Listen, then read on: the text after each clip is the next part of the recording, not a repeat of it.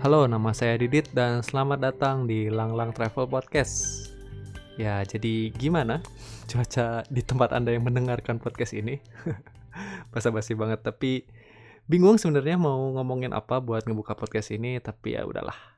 Dan uh, apa ya, ngomong-ngomong soal cuaca sebenarnya, jadi beberapa hari terakhir ini di kota tempat saya tinggal dan di kota-kota sekitar sini dan di beberapa bagian negara di Australia juga lagi dilanda hujan dan lumayan apa ya panjang gitu berkepanjangan.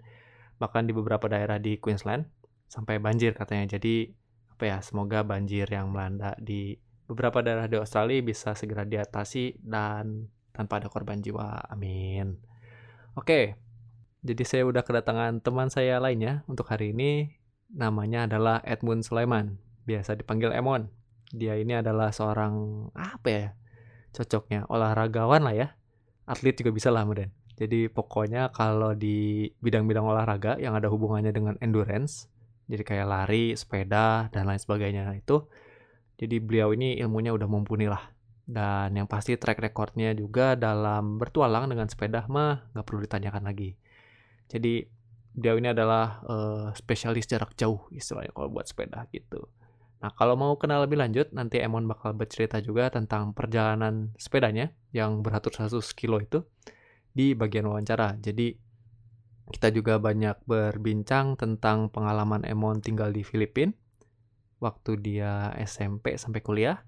Terus pas Emon ikut lomba Adventure Race sampai ke Timur Tengah dan gimana uh, apa ya rasa penasaran jadi awal Emon memulai perjalanannya.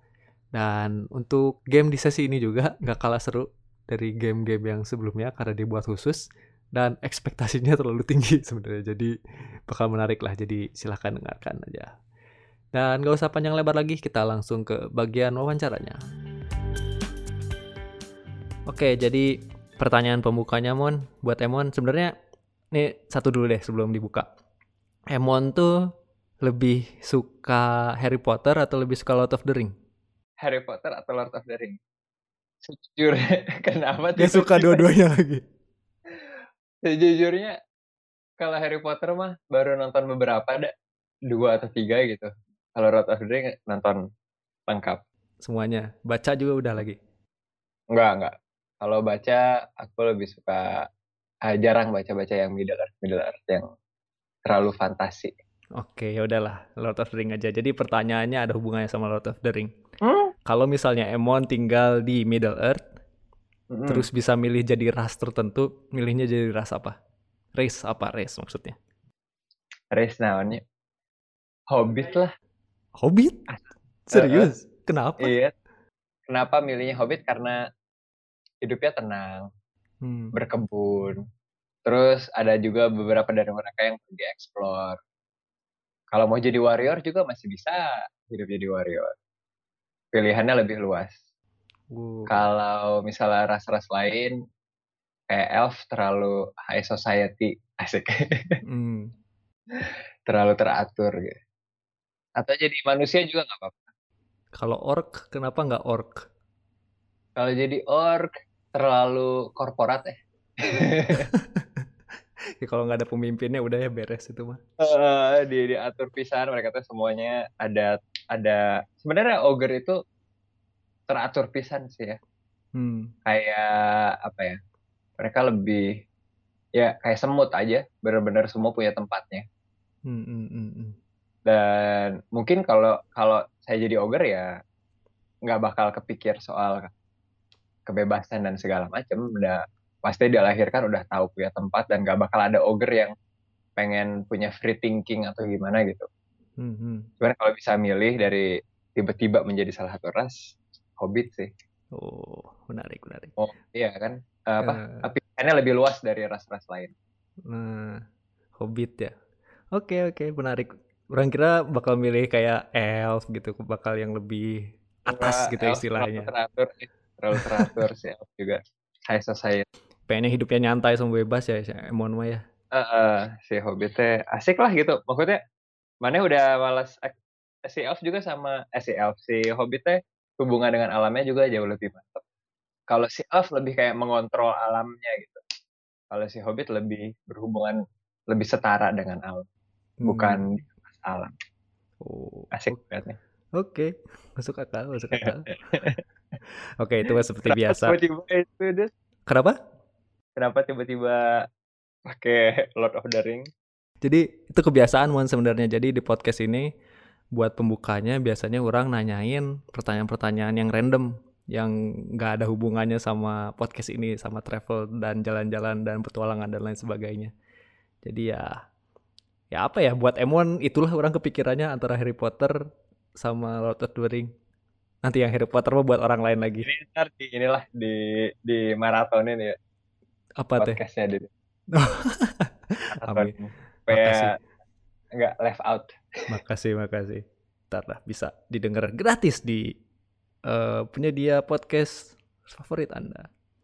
Oke jadi seperti biasa tadi udah dibuka sama pertanyaan random yang udah dibuat khusus buat Emon di sesi kali ini. Sekarang uh, saya pengen cerita sedikit aja kenapa bukan kenapa ya gimana saya bisa ceritanya ketemu sama Emon pertamanya jadi Emon itu adalah uh, teman saya udah lama banget. Jadi nama asli Emon ini bukan Emon, nama aslinya adalah Edmund Sulaiman. Tapi ya karena susah panjang gitu Edmund, namanya terlalu kebarat-baratan jadi ya kita buat namanya segampang mungkin gitu buat di pronoun sama siapa pun Emon gitu. Gitu. Jadi Emon ini kita tuh udah ket... Kenapa? yang bikin namanya juga anak-anak komunitas. Iya. itu yang bikin nama emang orang dari parkur atau dari, dari mana? Dari parkur Indonesia ada dulu di forum. Oh. Zaman-zaman forum masih ngetren. ah. Lah, terus kalau pas Emon SD gitu dipanggilnya apa dong? SD SMP di Indo pasti Indo. Biasanya dipanggil Ed aja, Ed. Ah. Ed. Ah, itu mah terlalu keren lah buat Emon. Emon aja udah bagus. Gak sebenarnya udah paling benar Emon. Uh, Emon udah paling bagus lah, jangan et-etan lah. Oke, jadi lanjut lagi. Emon, jadi kita teh ketemu kalau nggak salah 2008. Uh, waktu itu Emon kalau nggak salah masih ke sekolah di Filipina. Terus ada hari libur kalau nggak salah, terus pulang ke Indo, terus akhirnya latihan bareng, latihan parkur bareng di Bandung. Kalau nggak salah, gitu nggak sih Mon waktu itu? Ya 2008-2009. Sekitar hmm. segitulah. Itu lagi libur atau udah beres tuh dari Filipina? Udah itu? beres. Jadi 2009 2009 balik ke Indonesia, cuman langsung kerja dulu di Jakarta. Hmm, Baru hmm, hmm. libur ke Bandung, ikut ketemu Diditnya di komunitas parkour Bandung. Hmm, hmm. Nah, sama ya itu juga tadi Emon udah sedikit mention kan ke Jakarta ya pulang ke Bandung, terus beberapa kali kita ketemu latihan bareng, terus Emon ke Jakarta, di Jakarta akhirnya latihan sama parkour Jakarta. Nah, denger-dengar nih Mon, waktu di Jakarta kan dapat kerjaan tuh langsung ya. Dan denger-dengar juga ngerasa nggak cocok sama kerjaannya di sana gara-gara kerjaannya teh apa ya kerjanya cuma duduk doang gitu. Bener gak sih? Iya dulu uh, kerja di salah satu bank di di jalan utama Jakarta lah. Dan itu benar-benar baru fresh banget, baru beres kuliah. Masih muda kali ya jiwanya, jadi setelah sekitar setahun setengah ya, di Jakarta merasa suntuk dan ingin mencari yang lain lah gitu. Hmm. Lumayan kaget mungkin ya dari dari kuliah yang lumayan santai, tiba-tiba dikasih hidup yang benar-benar sangat teratur, semuanya diatur, segalanya udah jelas lah gitu. Hmm.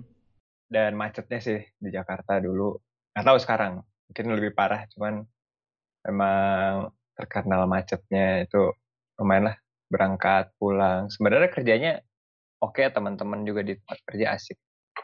Cuman kehidupan Jakarta lebih ke lifestyle di Jakartanya yang yang kurang cocok. Dulu. Dulu. Hmm. oh jadi karena itu jadi apa ya milih lebih baik balik lagi ke Bandung gitulah ya? Terus dulu ya nyari dulu apa nyari kerja yang ada di Bandung itu. Mulai usaha sih sebenarnya tepatnya ya mohon mah sempat ini dulu sempat volunteer dulu kita uh, saya ke Medan oh iya ya yang ngajar ini ya apa ngajar bahasa Inggris ya kalau nggak salah. Bahasa Inggris, uh, jadi ada salah satu center untuk anak eh, anak-anak kurang mampu. Itu dikasih tempat les, jadi tempat mereka yang aman lah, aman dan nyaman untuk mereka belajar, kerjain PR, terus dikasih les juga. Mm-hmm. Ada les bahasa Inggris, matematika. Bahasa les komputer gitu lah. Itu disediain semua dari dulu di Asah Asih Asuh. Kalau bahasa Inggrisnya perusahaannya namanya International Humanitarian Foundation. Hmm. Lumayan itu uh, sangat membuka mata lah selama kerja di sana. Itu berapa tahun sih pas di sana? Setahun ada uh, ya? Programnya enam bulan. Saya di sana sekitar 8 bulan. Jadi hmm. co-director. Jadi tinggal saya tinggal di center hmm. ngurusin day to day day to day uh, administration sama ngajar juga di sana. Uh, lebih mending milih di mana man kalau misalnya harus benar-benar milih gitu di Jakarta atau di Medan kalau kerja dan hidup. Kalau dari kerjaannya hanya dua itu pilihannya. Kalau -hmm. hanya dua itu pilihannya pasti di Medan. Oh. Di Medan. Kenapa tuh? Uh, lebih merasa jadi manusia. Jakarta terlalu keras ya? Uh, iya, Jakarta keras, sayanya lembek. Kalau di Medan lebih uh, kemanusiaannya lebih dapat. Nah. Berkomunitasnya lebih asik. Hmm, hmm, hmm. Di ya itulah beda lah kalau kita kerja di NGO gitu kan memang tujuannya serving others ya. Hmm. Nah, jadi sense sense of purpose-nya lebih dapat. Terus apalagi mau didapat pas kerja di Medan selama enam bulan itu? Selain apa ya pengalaman tadi yang membuka mata, apalagi tak? Ya ngelihat aja bagaimana orang-orang bisa hidup gitu satu keluarga isinya lima orang hidupnya cuma dari enam ribu rupiah sehari. Ada yang ah ya benar-benar kaget lah gitu.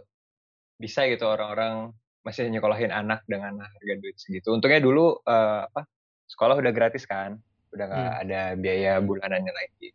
Sisa ya beli buku dan melihat gimana anak-anak tuh pulang kerja bantuin ibunya ke sungai kumuh nyari-nyari botol bekas untuk dijualin ada yang pergi ke pabrik baju ngambil sisa-sisa baju untuk ngejahit ini bikin taplak meja atau alas panas untuk panci hmm. segala dibuat lah supaya anaknya bisa bisa lanjut sekolah gitu hmm. dan ngelihat juga gimana banyak orang-orang yang putus asa gitu ya bisa dibilang putus asa karena uh, jadi ibunya aja yang kerja sama anak-anaknya untuk nyambung hidup mereka. Ayahnya misalnya uh, supir angkot. Hmm. itu duitnya habis dipakai buat tuak jadi ayahnya beres kerja ya minum tuak terus pulang. Besok diulang lagi yang benar-benar kerjanya ya si ibu sama anaknya gitu untuk nyambung hidup keluarga hmm. itu cukup mengejutkan lah.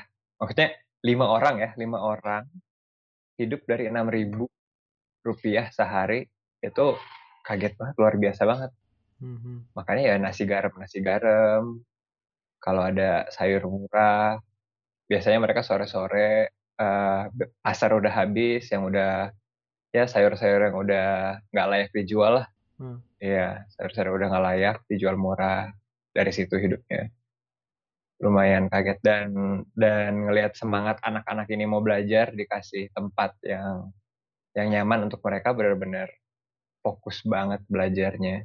Mm-hmm. Misalnya dikasih kuota latihan belajar Excel gitu.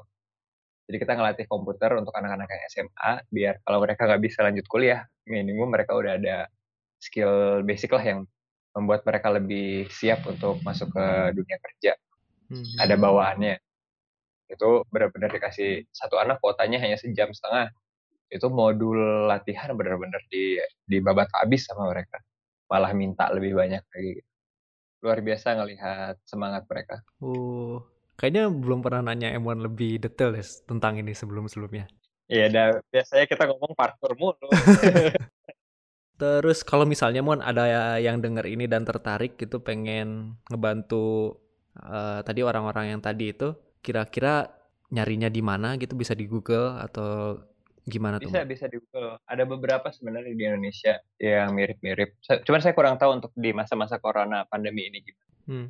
Cuman itu di opsinya ada yang bisa seminggu aja atau yang benar-benar full enam bulan. Ada yang tiga bulan juga. Hmm. Jadi yang paling pendek itu dipanggilnya volunteerism. Volunteerism. Jadi kita sebenarnya jadi turis, misalnya ada center di Bali. Mm-hmm. Nah, daripada kita bayar hotel, uang yang dikasih ke hotel itu dibayar untuk tempat nginep kita, tapi tempat penginapannya ya nggak nggak as jangan anggap jangan harap yang luxury lah ya. Mm-hmm. Jadi kita bayar sebanyak kita bayar hotel, kita bayar ke tempat center, dapat tempat tinggal sama makan pagi. Nah kita bisa pilih mau ngajar kelas, bantu ngajar kelas untuk selama seminggu atau enggak. Kalau mau tinggal juga bisa. Nah itu salah satu cara kita nggak bantu. Kalau hanya seminggu, bisa juga tiga bulan, dua ke tiga bulan. Nah dua ke tiga bulan itu programnya program internship. Jadi bisa dimasukin untuk KP kuliah gitu. Hmm. Tergantung kuliah kita apa ya.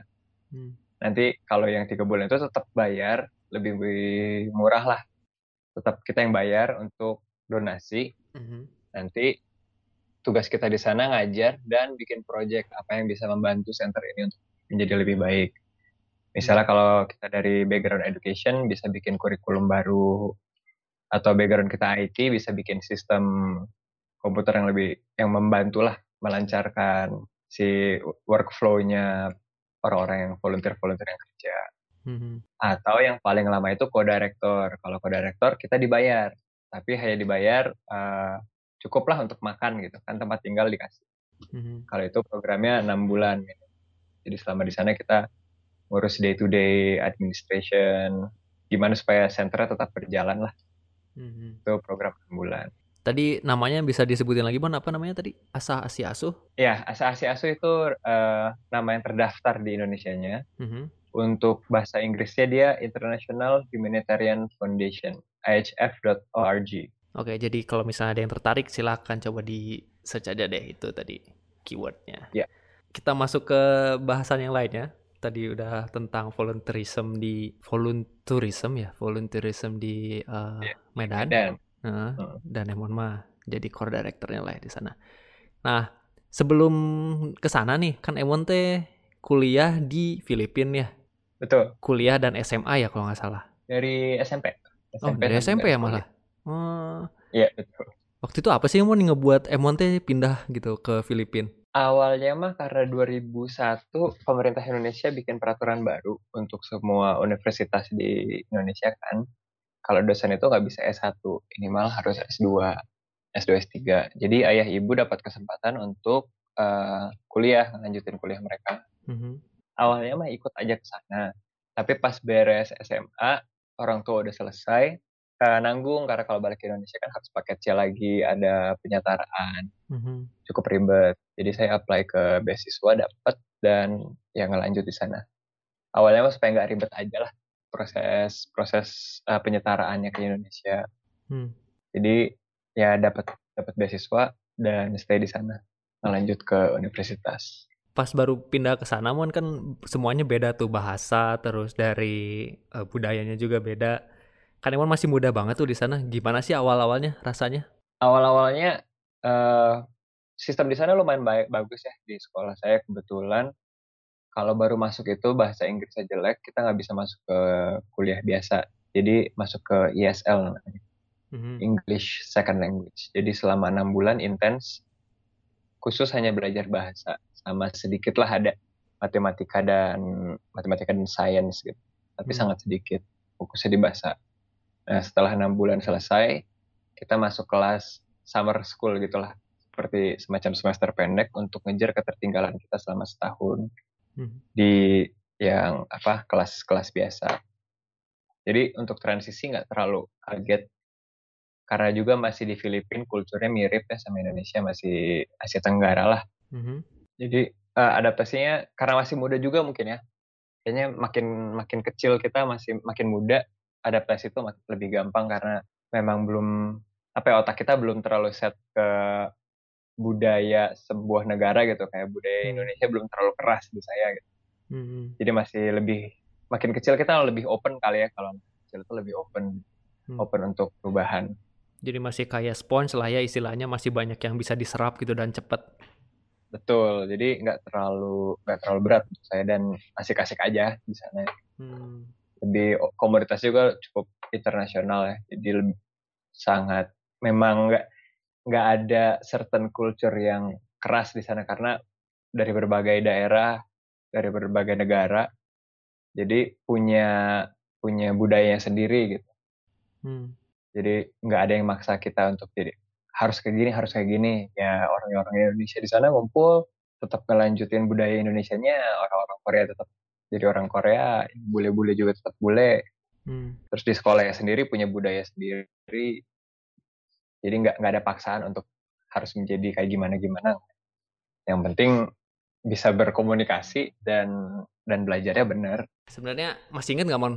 Uh, bedanya pas sekolah di Indo sama di Filipina tuh apa? Tapi pas sekolah di Filipina teh itu sekolahnya uh, apa namanya international school atau gimana? Untuk SMP SMA SMP lah ya itu international school. Pas SMA pindah ke sekolah Filipin kuliah juga. Bedanya nggak nggak terlalu jauh beda sih dia. Mm-hmm. Secara secara budaya mirip-mirip. Justru kalau saya ngerasa ngeliat dari teman-teman kuliah di sini dari semangat berkomunitas jauh lebih kuat semangat berkomunitas di Indonesia. Hmm. Kalau di Filipina mungkin karena tadi banyak-banyak orang-orang dari negara lain nggak seerat di sinilah gitu. Jadi nggak nggak geng-gengan lah gitu ya istilahnya. Kalaupun ada justru kayak bener-bener ya, ya, eksklusif ada, gitu. Ada geng-gengan mah tetap ada. Hmm, cuman kalau di Indonesia teh uh, semangat semangat berkomunitasnya lah. Saya kaget pas pindah ke Bandung juga segala ada komunitas di Bandung. Kayak yang paling aneh uh, ada komunitas mobil putih misalnya. Kamu punya mobil putih udah bisa berkomunitas gitu, ya kan? Mm -hmm. Memang kalau dari komunitas Bandung juara lah, juara juara banget. Segala segala jenis niche market ada. Nah, kalau di Filipina kayak gitu tuh nggak ada gitu. Jadi nggak nggak nggak segitunya biasanya spesifik ke sebuah subculture yang memang sudah established. Mm -hmm. Kayak komunitas mobil putih subculture di luar negeri mah nggak ada yang punya mobil putih bikin komunitas gitu. Bener Jelas subculture-nya misalnya apa punk rock atau misalnya uh, akuntan muda jelas subculture-nya jelas gitu. Mm -hmm. Kalau di, di Bandung atau di Indonesia bisa bikin subculture sendiri. Mm. Secara dari sisi itu jauh lebih semangat lah segala segala bisa dibikin subculture di Bandung kalau misalnya uh, budaya yang paling berkesan di Filipina buat Emon itu apa sih? Budaya budaya yang paling berkesan di Filipina itu Natalan. Ah. Mungkin karena saya datang dari Indonesia kan kita mayoritas Muslim. Uh, Muslim ya. Mm-hmm. Tapi bahkan dari teman-teman yang dari dari negara Kristen juga di Filipina kaget ngelihat semangat Natalannya mereka gitu. Halloween juga belum beres, semua dari September itu udah berasa Natal kalau kita ke mall dari September. Mm -hmm. udah udah pada berubah ininya dekorasi-dekorasinya. Jadi untuk Natal bisa dibilang kalau dibandingin ke Indonesia ya, dibandingin sama uh, budaya mudik, budaya Lebaran gitu, lebih apa ya? Lebih masif, lebih hmm. masif, lebih kayak semua orang bener-bener semangat gitu Natal dan ya ya gak jauh beda gitu lah ya. Kalau di Indo mah lebaran kalau di sana mah Natalan gitu. Hmm, cuman lebih nafsu aja. Kita dari orang-orang yang datang dari negara Kristen juga sana kaget gitu ngelihat kultur Natal mereka benar-benar megah lah. Semegah apa sih emang? Kalau misalnya dibandingin kan kalau misalnya yang sering kita lihat mah ya selain di Indo ya kan mungkin di Amerika lah istilahnya. Terus ya banyak pohon Natal, terus dekorasi-dekorasi dan sebagainya. Nah, kalau di Filipina kayak gimana sih emang? Mungkin mirip-mirip sama US. Memang pohon ada dekorasi se-RT RW, kelurahan, mm-hmm. semangatnya edan lah. Cuman dari jangka waktunya aja gitu, dari September udah Natal, udah berasa Natal. Dari, dari September tuh uh, kalau di sana baranggai, mungkin sekelas RW ya, RW atau lurah lah, antara RW dan lurah itu udah perlurahannya udah budget dikeluarin banget dekorasi. Jalan-jalan jadi jauh lebih berwarna umbul-umbul di mana-mana. Hmm. antara tiang listrik juga udah dipasangin umbul-umbul jadi kita jalan tuh di bawah di bawah apa kertas-kertas berwarna. Hmm. lebih meriah aja lebih meriah. Iya ya kalau di Indo mah nggak kerasa ya soalnya ya sebagai minoritas mah ya. Cuman kalau dibandingin sama Lebaran Lebaran memang dekorasinya mbak uh, beda ya setiap setiap desa gitu. Hmm. di sana lebih lebih niat lebih niat aja dan dan sampai Februari gitu masih masih ada aja dekorasi Natal dari September sampai Februari. Lama itu mah berlebihan. benar, benar, benar. Sampai bosan denger-denger lagu Natal. Biasanya kan kalau di tempat-tempat lain habis Halloween lah gitu kan, Oktober beres, uh, perayaan Halloween beres, baru berasa Natalnya keluar. Kalau di sana mah Halloween belum beres, udah Natal. Aneh aja. Nah kalau pas di Filipina, Mon, emang sebenarnya sering jalan-jalan gak sih di sana sering travel ke uh, ya kota-kota lain tapi Emon teh sebelumnya pas di sana tinggalnya di kota mana? Saya sekitar dua jam dari Manila. Mm-hmm. Kalau untuk traveling nggak terlalu banyak ya karena anak beasiswa ya ada ada ah. keperluan untuk menjaga IPK dengan baik dan SKS juga harus ngambil yang full full full load terus. Mm-hmm. SKS harus penuh. Jadi untuk traveling nggak terlalu banyak. Paling karena hobinya parkour udah dimulai dari Filipina dan sebelumnya suka manjat manjat gunung. Paling travelingnya dari situ. Ke gunung mana, terus uh, ketemu komunitas parkour mana. Jalan-jalannya lebih gara-gara dari komunitas-komunitas ini. Hmm, hmm. Dan di pas di Bandung juga sama ya jadinya. Ya? Iya, pas balik ke Indonesia juga kita ke mana ya gitu kan ke Jogja. Memang mungkin karena memang kultur parkour dulu memang kultur itu jalan-jalan ketemu komunitas lain dan ngomongin soal dari parkour nih sebenarnya Emon jadi lanjut maksudnya bukan lanjut loncat beberapa tahun ke depan setelah Emon pindah ke Bandung terus mulai uh, udah kerja juga terus mulai usaha juga di Bandung dan waktu itu ngebentuk tim yang isinya tiga orang yang semuanya itu dari komunitas parkour dan semuanya itu ikut Jarum Adventure Race waktu tahun 2010. Jadi buat yang nggak tahu Jarum Adventure Race kayaknya udah nggak ada ya Mon ya akhir-akhir ini udah coba ya, di Google ya, juga udah dua hilang aja itu dulu. Uh, dua season aja jalannya.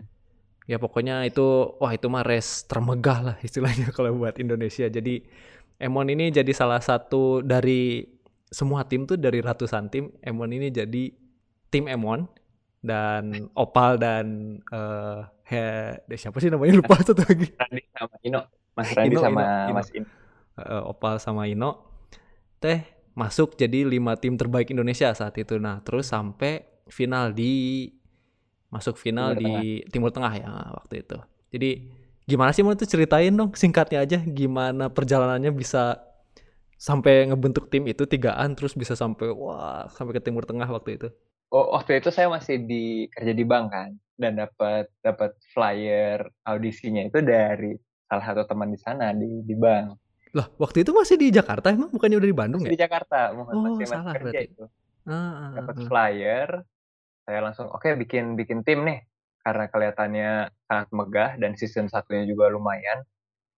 Mikirnya hmm. harus cari harus cari yang the best lah, terbaik dari Bandung, terbaik dari Jakarta, dua komunitas parkour yang yang saya paling kenal saat itu. Sebentar, terbaik dari Bandung bisa dibilang Opal, terbaik dari iya, Jakarta ya, terus Ino, emang terbaik Indonesia berarti. Oh. Enggak gitu juga. Pokoknya teman-teman yang saya rasa uh, karena nyari yang lebih kuat dari saya justru jauh. Jadi nyari waktu itu Randi panggilnya Opal sama Henry panggil Ino. Hmm. Kita bikin tim bertiga audisi iseng-iseng iseng-iseng itu. Kita masuknya dari Jakarta. Dari di Jakarta orienteering peta buta jadi kayak si peta Jakarta yang kosong nggak ada nama jalan nggak ada apa-apanya. Itu harus kumpulin beberapa checkpoint. Nah itu lari lari. Jadi lari ke checkpoint checkpoint di peta buta ini nah dari Jakarta kalau nggak salah diambil 20 ya 20 tim terbaik dari kota-kota hmm. lain ada lima kota total diambil 10 tim terbaik. Beruntungnya hmm. kita waktu itu dapat tim ke-9 di Jakarta. Jadi masuk uh, itu kualifikasi masuk ke semifinal. Jadi untuk semifinal ada 100 tim terdiri dari tiga orang masing-masing timnya.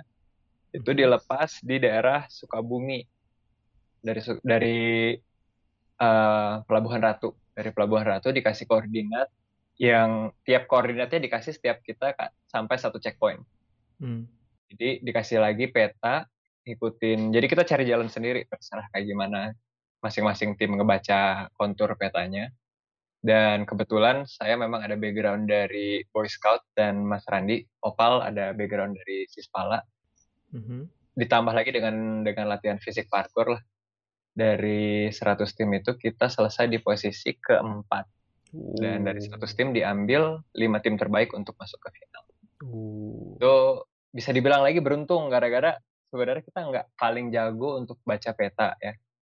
Kayak tim-tim lain tuh tahu gitu ngelihat peta ini pasti ada jalan setapaknya di daerah sini hmm. kalau kita lebih barbar kayak parkour dari, itu kan dari jalan lurus lagi pokoknya tarik aja terus ini dari sini koordinat peta selanjutnya di sana uh, weh apa uh, udah cari jalan terlurus aja selama masih siang gitu masih aman hmm. kita ambil garis garis lurus ikutin ikutin apa kompas ikutin ya kom, apa sih bahasa Indonesia kompas kan kompas Hmm.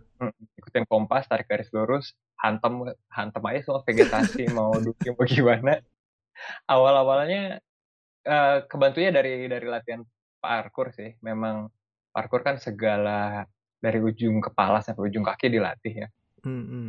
untuk gerak jadi adaptasinya kita cepat dan kagetnya pas beres kita di posisi keempat nggak nyangka gitu padahal banyak mapala-mapala lain yang jauh lebih berpengalaman. Cuman mungkin justru gara-gara mereka berpengalaman baca peta, mereka ngambil jalan yang sudah ada, udah udah jago lah baca petanya.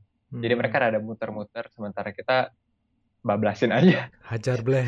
Satu melurus, satu melurus. Kecuali pas malam baru lebih hati-hati nyari jalan. Karena malam-malam kalau nyasar ke tebing kan nggak lucu ya. Hmm. Kalau hmm. siang-siang masih bisa diakalin. Dan beres posisi keempat. Itu juga uh, pas nyampe tempatnya kita kaget itu di mana uh, kalau nggak salah lima tim terbesar itu semua di luar ekspektasi panitia. Jadi kita sampai satu cek panitianya belum nyampe di situ. Oh, jadi iya? sempat kita uh, jadi harusnya dapat makan malam di checkpoint berapa kita sampai belum ada panitia. Pokoknya lima lima apa enam tim pertama itu benar-benar sampai sampai pagi itu dua hari kan acaranya dua hari. Mm -hmm. Kita sampai menjelang siang lah kalau nggak salah sekitar siang gitu jadi makan pagi kita skip aja terus sampai panitia bilang ya udah di checkpoint selanjutnya di checkpoint selanjutnya lah checkpoint selanjutnya belum ada panitia checkpoint selanjutnya belum ada panitia sampai siang baru dapat makan pagi Cuman memang tim-tim tim-tim yang besar lainnya juga yang di depan-depan nggak kebagian juga. Uh. Jadi lumayan lucu lah karena memang di luar ekspektasi.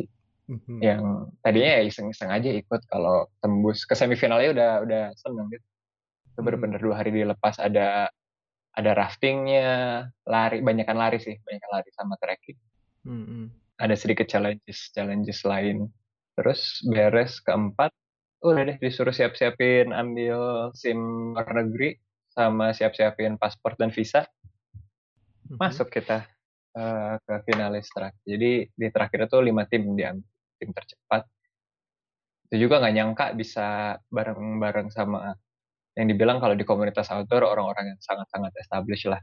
Mm-hmm. Ada tim dari Aiger, ada tim dari Mahitala. Mm-hmm. Untuk bisa berkompetisi bersama mereka itu uh, sebuah privilege ya. Karena memang berasanya pas udah sampai di Timur Tengah, berasa skill kita jauh dibanding mereka-mereka yang lain yang udah biasa off-road, udah biasa dilepas di gurun. Kita kan nggak ada pengalaman apa-apa, bener-bener modal fisik, latihan fisik parkour aja hmm. purely modal modal fisik aja gitu kita ke sana. Hmm. Waktu di Timur Tengah itu startnya di mana, terus perjalanannya apa ngelewatin apa aja, terus finishnya di mana sih? Itu di Timur Tengah kita tiga negara. Mm-hmm. Dimulai mendarat di Dubai, itu ada race kecil semacam amazing race. Cuman tujuan panitia sebenarnya itu lebih ke aklimatasi lah.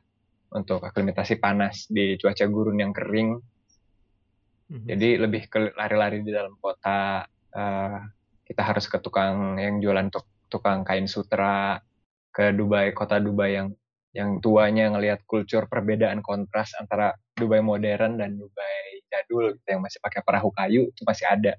Mm-hmm. Di sana juga balik lagi modal modal fisik aja. Sama kebetulan banyak di Dubai kan memang kota imigran ya. Pekerja-pekerjanya hampir nggak ada yang dari orang lokal. Mm-hmm. Dan kebetulan banyak penjaga-penjaga toko itu orang Filipina. Oh. Jadi saya oh. bisa lah sedikit bahasa Filipina itu kebantu jadinya. Oh. Jadi ada advantage hmm. sedikit lah dari sisi bahasa. Karena bukan hanya bahasa Inggris tapi bisa bahasa Filipina juga. Hmm. Jadi lumayan, lumayan kebantu. Habis dari aklimatasi di Dubai, kita masuk ke Jordan. Di Jordan itu ada lari, ada naik onta, ada berenang di laut mati, ada off-roadnya juga.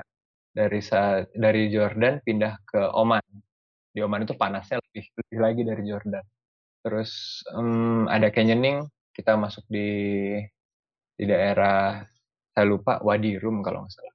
Tempatnya itu benar-benar nyusurin dari oasis ke oasis gitu benar-benar justru sungai itu cakep cakep banget airnya bersih mm-hmm. dan satu-satu tempat yang rada adem karena di lembah mm-hmm. dari Oman di Oman juga sama ada off-roadnya ada panjat tebingnya panjat tebingnya di pinggir pantai jadi ada ada tebing kita harus uh, dari satu titik ke titik lain tapi benar-benar manjat tebing gitu mm.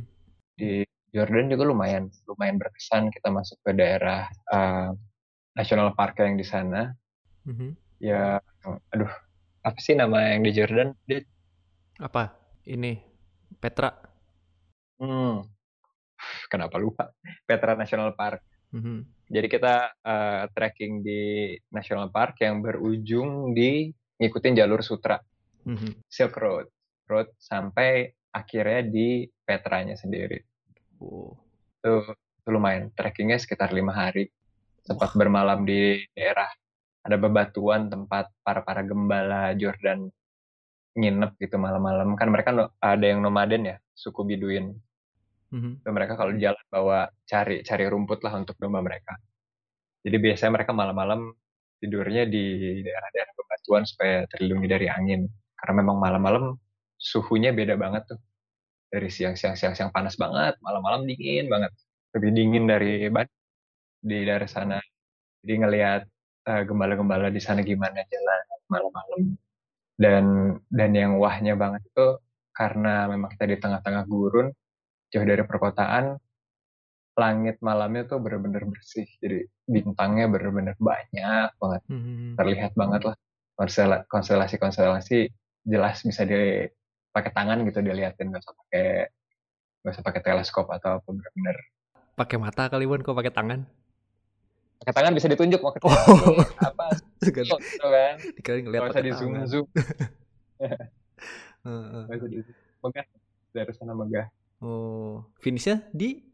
Terakhirnya di Oman. Uh. jadi ada transfer Jordan ke Oman. Oman balap lagi ada lari lari lagi ada di bebatuan lompat-lompat ya adventure adventure gitulah. Ada off roadnya juga naik onta lagi.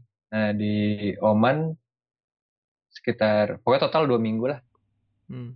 Dua, dua minggu di sana hmm. beresnya di Oman akhirnya di Oman dan tapi finishnya sayang sekali ya ke lima ya terakhir tapi lima hmm. empat ke lima sempat ada drama drama gitulah oh. karena udah capek lumayan lumayan itu kayak tercapek deh karena masih muda juga pengalaman sangat sangat jauh lah hmm, hmm. untuk untuk sesi sisi outdoornya ya pengalaman sangat jauh hal-hal kecil-kecil kayak uh, fueling karbohidrat, uh, minum, nggak nggak se berpengalaman sekarang maksudnya lebih lebih ngerti untuk hal-hal gitu. Mm-hmm. Kalau dulu masih sangat-sangat enggak ya. Mm-hmm. Jadi um, sempat yang saya ketidur tiap kali duduk naruh kepala dikit ketiduran, terus si opal di sebelah saya mimisan. udah push to the limit push to the limit banget lah terus ada yang kita salah arah jalur sepedahannya dibilangnya 70 kilo. Ya kalau di Indonesia mah 70 kilo mau off road ke uh, melipir dikit ada warung melipir dikit ada warung. Mm, mm, mm. kalau di sana mah berjam-jam kita gue nggak ada warung sama sekali.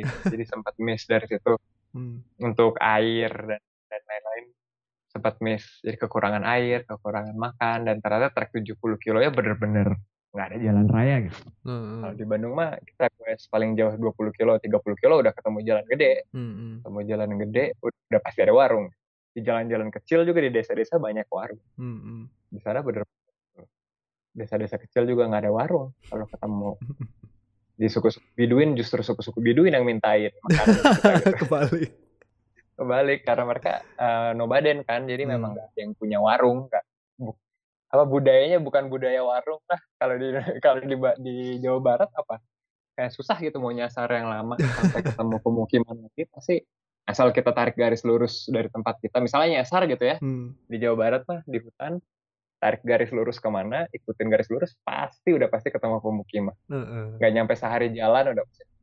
Iya iya iya. Miss gitu. Cuman ya pengalaman pengalaman banget. Hmm. Tidaknya walaupun peringkat terakhir juga pengalamannya banyak lah ya. Iya, nggak nggak sama sekali nggak nyesel dah, hmm. nggak nyesel dan ketemu temu orang-orang hebat juga di sana. Hmm.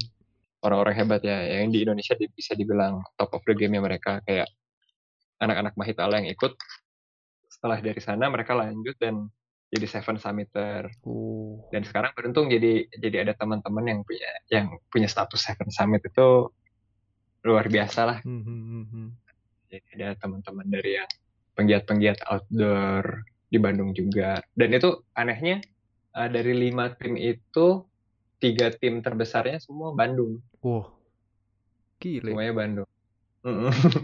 yang juara tiganya itu di Jogja. Hmm. Satu dua Bandung, keempat Bandung, Mahitala, terus yang kelima kita. Oh, kelimanya campuran. Campur. Oh. Cuman ya opal sama saya kan bisa dibilang Bandung lah. Iya sih. oh, kalau misalnya Mon uh, ada kesempatan lagi nih buat pergi ke antara tiga negara itu, uh, bisa balik Apa ke mana nih? tuh kira-kira? Dubai, Oman, Jordan. Kenapa? dan di mana uh, mau mau ke mana? Ya bisa pilih satu nih, ya bisa pilih satu. Satu lah. Kamu mah dari tadi pilihnya satu-satu aja. Iya dong, satu dong. uh, mana ya? Mungkin Jordan sih, hmm. Jordania. Kenapa? Um, kalau Oman dia di perkotaannya cukup maju, negara maju, jadi semua udah tertata rapi, udah jelas gitu. Hmm. Kita mau jalan-jalan juga tur-turnya udah jelas. Kalau di Jordan lebih lebih rugged dan dan setelah lihat-lihat uh, searching-searching di Google dan sekarang juga saya gara-gara adventure itu adventure race dulu jadi tertarik sama olahraga panjat tebing. Mm-hmm. Untuk dari sisi panjat tebing, dari sisi sepedahannya, kayak Jordan jauh lebih seru. Oh. Jordan jauh lebih seru. Daerah-daerah Petra Park, di padang gurunnya juga lebih beragam. Mm-hmm. Kalau Oman itu lebih banyaknya sand dunes pasir halus gitu. Kalau di Jordan sand dunes pasir halusnya banyak, uh, padang gurun yang batu-batu gede juga banyak. Pilihannya mungkin lebih banyak di Jordan. Oh, Jordan menarik, menarik, menarik. Oke, jadi kita selesaiin aja tentang adventure race. Nah dari situ tuh mon, kan uh, pokoknya Emon akhirnya kayak apa ya saya mengelihatnya kayak apa ya kayak tertarik lagi gitu. Kayak lebih tertarik sama lomba race dan lain sebagainya. Jadi dari satu lomba ke lomba yang lainnya. Ma terus apa ya kategorinya banyak. Terus ada yang lari pernah trail run juga pernah terus sepeda pernah. Gitu kan nah dari beberapa bulan lalu juga kan bulan November ya tepatnya salah bulan November kemarin jadi ini kan jadi finisher di Audax yang 600 kilo di Jogja. Nah itu apa tuh mon yang ngebuat Emon apa ya pengen gitu apa ya uh, buat berpartisipasi di lomba-lomba tersebut? iseng aja, iseng sih Dut. Gak memang memang memang secara olahraga udah udah nemu gitu uh, apa yang saya suka. Hmm. untuk misalnya ball games basketball futsal ya Didit pernah main futsal sama saya lah. Yeah. skillnya nggak ada pisan. Sama man, ada banget sama man tenang aja sama. Aduh. Wow Didit masih jauh lebih mending. Saya emang kemarin sampai kurang banget futsal nggak tahu ngapain jadi uh, memang udah jelas saya lebih suka ke adventure sport kan mm-hmm. jadi kenapa nyoba trail run lebih ke yang uh, olahraga-olahraga yang mengekspos kita ke alam mm-hmm. uh, dan menggunakan apa uh, tenaga manusia gitu. Mm. Lari, sepeda kan semua tenaga manusia. Jadi mm, awalnya iseng-iseng aja di tahun ini kan pandemi. Mm-hmm. Jadi sepedahannya jauh lebih banyak dan kebetulan tahun ini bisa dibilang saya pengangguran gitu, kerjanya freelance sana sini. Mm-hmm.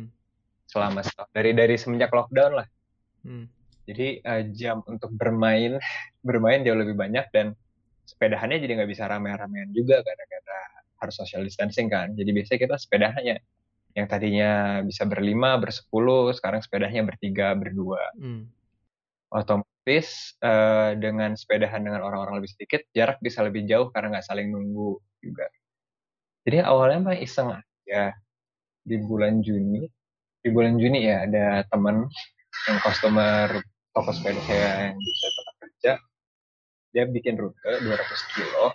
Penasaran udah lama rutenya dibikin, cuman belum belum kejadian, belum pernah dijalanin. Mm -hmm. Dia ngajakin temenin lah, temenin gue coba 200 kilo. Nah sebelumnya saya udah pernah 200 kilo dua tahun lalu. Dan itu setelah 200 kilo itu bener-bener sumpah nggak mau lagi ngelakuin 200 kilo. Capek pantat sakit hampir kayak enjoy lah gitu. Mm -hmm. 200 kilo kelamaan kelamaan gitu kayak 100 kiloan aja udah pas. Mm. 100 kilo sempat foto-foto nikmatin alamnya. Kalau 200 kilo rada kekejar waktu karena pengen nyampe sebelum sebelum malam kan. -hmm. ikut 200 kilo. Beres. Terus uh, di waktu yang bersamaan salah satu teman orang tua saya meninggal. Nah, ada ada selebrasi tujuh hariannya kan, bukan selebrasi apa? Jadi mohon maaf buat yang denger, Emon ini bahasa pemilihan bahasa Indonesia-nya emang suka ngaco. Kenapa orang meninggal pakai selebrasi? Apa uh, mengingat peringatan kan tujuh iya, harian. Iya, iya. Tapi di saat itu lagi lockdown kan, jadi nggak ada travel, nggak hmm. ada bus gitu, nggak ada kereta ya udah disepedahin aja itu di daerah uh, di Jakarta di daerah Cilengsi. Mm-hmm. Jadi ya udah sepedahin aja ke sana. Sepedahan ke sana, ketemu keluarga teman, ngobrol-ngobrol bentar, sepedahan balik. Mm. Itu pas balik 300, 300 kilo. Oh. Eh, bisa nih tiba-tiba dari 200-nya baru berapa minggu lalu pada. Mm-hmm. Eh, bisa nih 300 kilo dan nggak nggak nggak sakit-sakit amat. Mungkin gara-gara setelah dua tahun lalu 200-an itu memang pelan-pelan kan pasti berprogres ya. Hmm. Pelan-pelan naik 100 kilo tadi susah udah udah bisa foto-foto sekarang. Hmm. Terus udah 100 100 mile, udah 160 kilo udah dijalanin beberapa kali. Hmm. Jadi uh, ternyata 300 sudah udah bisa gitu dan nggak nggak sakit-sakit amat. Hmm. Dan waktu itu ada event Audax di Bandung. Event Audax di Bandung itu 300. Jadi Audax ini tiap tahun ada event 200, 300 400 dan 600 kilo setiap tahunnya. Kalau kita lengkapin full series 200 sampai 600 itu, kita dapat title namanya Super Randoner. Mm-hmm. Jadi Running ini event sepeda fun bike lah ibaratnya fun bike tapi sangat-sangat jauh. Karena memang fun banget sih. Jadi lebih ke kita goes bareng tapi ada cut off time-nya, mm-hmm. lebih ngejar lebih ngejar waktu daripada ngejar podium. Mm-hmm. Gitu. Dan emang gak ada podium kan kalau nggak salah Udax mah? Gak ada, gak ada, gak ada. Hmm. Ini lebih ke komunitas aja yang penggiat sepeda fun bike jarak jauh. Hmm. Nah, teman karena saya udah pernah 300 kilo yang ke Jakarta PP itu, teman saya nggak ikut acara yang 300 kilo, tapi ada dua teman lain yang ikut. Hmm. Dari situ uh, penyelenggara Audaxnya minta tolong ke salah satu rekan saya namanya uh, Syahroni Prabowo, Mas Arai gitu. -hmm. Untuk bikin lagi nih acara kilo di Bandung yang uh, temanya all terrain. Karena kebetulan saya sama Mas Arai memang uh, bagian dari tim Dirt X Clouds namanya. Mm-hmm. Kita memang suka mainnya sepeda gravel, sepeda-sepeda jadi kayak sepeda balap tapi bannya gede. Jadi perpaduan antara sepeda balap dan sepeda MTB. Mm-hmm. Jalan di jalan raya dia masih bisa ngebut, tapi off road juga masih bisa dibahas. Mm. Kita bikinlah event 200 Mas Arai nggak gabungin rute-rute yang biasanya anak-anak Dirt X Cloud laluin, dibikin jadi satu trek sepanjang 200 kilo. Hmm. Nah, otomatis harus dites kan rutenya untuk memastikan kalau ini aman untuk sebuah event. Hmm. Saya ikut tes rute. Jadi dalam waktu dua, kurun waktu dua bulan udah dua kali 200 kilo, udah sekali 300 kilo, dan ada sempat dua kali seratusan gitulah jadi secara mileage tiba-tiba naik hanya dari kurun waktu dua bulan gitu. Hmm. Nah, bisa gitu ternyata bisa gini uh, kalau di sepeda itu setelah 200 kilo ke atas dipanggilnya event ultra. Hmm. Kalau di lari kan 40 kilo ya. Hmm. Kalau di sepeda 200 kilo ke atas itu udah masuknya ultra distance. Ternyata bisa nih yang main ultra nggak nyangka juga. Jadi memang dari iseng aja. Baru selanjutnya progresi selanjutnya ya langsung ke dari 300, 200, selanjutnya ke 400. Diajak lagi sama uh, penyelenggara Audax turun dong di 400 itu di Cirebon. Hmm. Uh, dari tim DXC juga uh, support kita cari dana sponsorship lanjut dana terkumpul pergi ke Cirebon. Hmm. Bon, waktu itu di sponsor juga dari teman-teman yang uh, punya clothingan sepeda gitulah ada yang jualan tas itu dibantu dari Satset dibantu dari bike system juga dibantu dari Nomo Cycling. Itu pergi ke Cirebon 400 beres cut off time-nya 27 jam. Kita beres di 24 jam. Kita beres di 24 jam jadi nggak tidur tuh. Uh. pertama kali beres 24 jam nggak tidur. Hmm. tapi gara-gara uh, tadi tadi balik ke yang adventurous kan dulu nggak ngertian gitu ya soal de, apa dehidrasi soal fueling karbohidrat bagaimana mm-hmm. setelah itu dengan dengan sepeda dan nyoba trail run makin ngerti lah soal fueling dan di 400 kilo masih aman walaupun capek nggak ada kram uh, hipoglikemik nggak bongking aman gitu. progresi selanjutnya 600 mm-hmm. diajak lagi sama anak-anak udah namanya ada Om Bob dia pengurusnya Audax Runner Indonesia jadi Audax itu original dari Prancis. Di setiap negara ada klubnya lah. Hmm. lagi uh, sama lagi kita kumpulin dana pergi ke Jogja dicobain aja. Tapi kalau yang 600 uh, eh, jauh lah berbeda dari jarak-jarak sebelumnya. Itu benar-benar benar-benar yang beres udah nggak bisa ketawa-ketawa senyum-senyum. Saya mah teman-teman masih aman. Wah saya tepar bener-bener habis jadi memang berawal dari iseng dan penasaran habis itu mm-hmm. nggak nggak ada nggak ada rencana nggak diniatin juga. Nggak pernah seumur hidup pengen pengen ultra endurance sepedahan ah nggak mm. kebayang gitu. Tapi akhirnya kan bisa tuh. Iya. Untungnya untungnya itu. Untungnya aman ya masih sekarang. Iseng-isengnya Emon mah nggak lucu emang jadi 600 kilo lah sepedahan. Gimana ceritanya? Penasaran ya nah. penasaran kayak motivasi terbesar saya untuk melakukan apa pun itu dari penasaran hmm.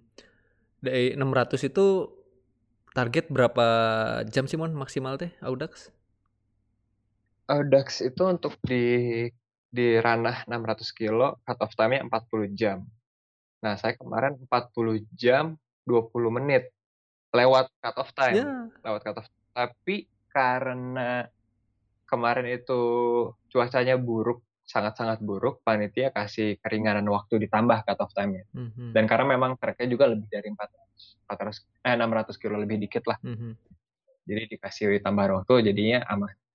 Terus kemarin tuh kendala terbesar saya sempet kalap makan terlalu banyak jadi ada indigestion gitu hmm. ya bahasa Indonesia ya masuk angin lah oh. menurut saya nggak mau digest makanan uh-huh.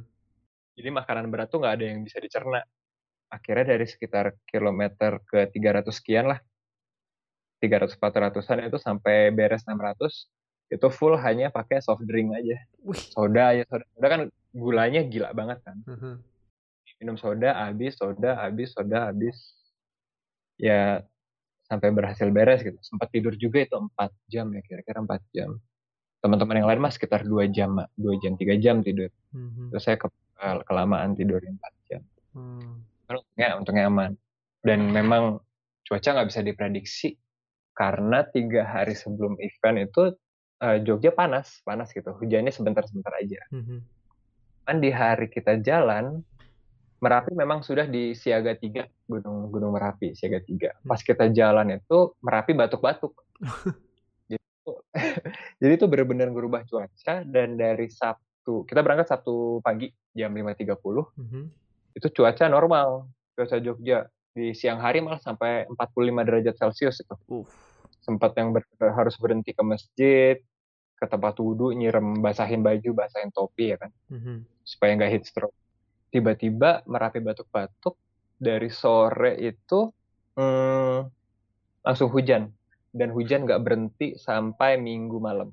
Kalau berhenti pun hanya gerimis. Hmm. Makanya uh, karena kejadian itu si panitia ngasih keringanan, keringanan waktu.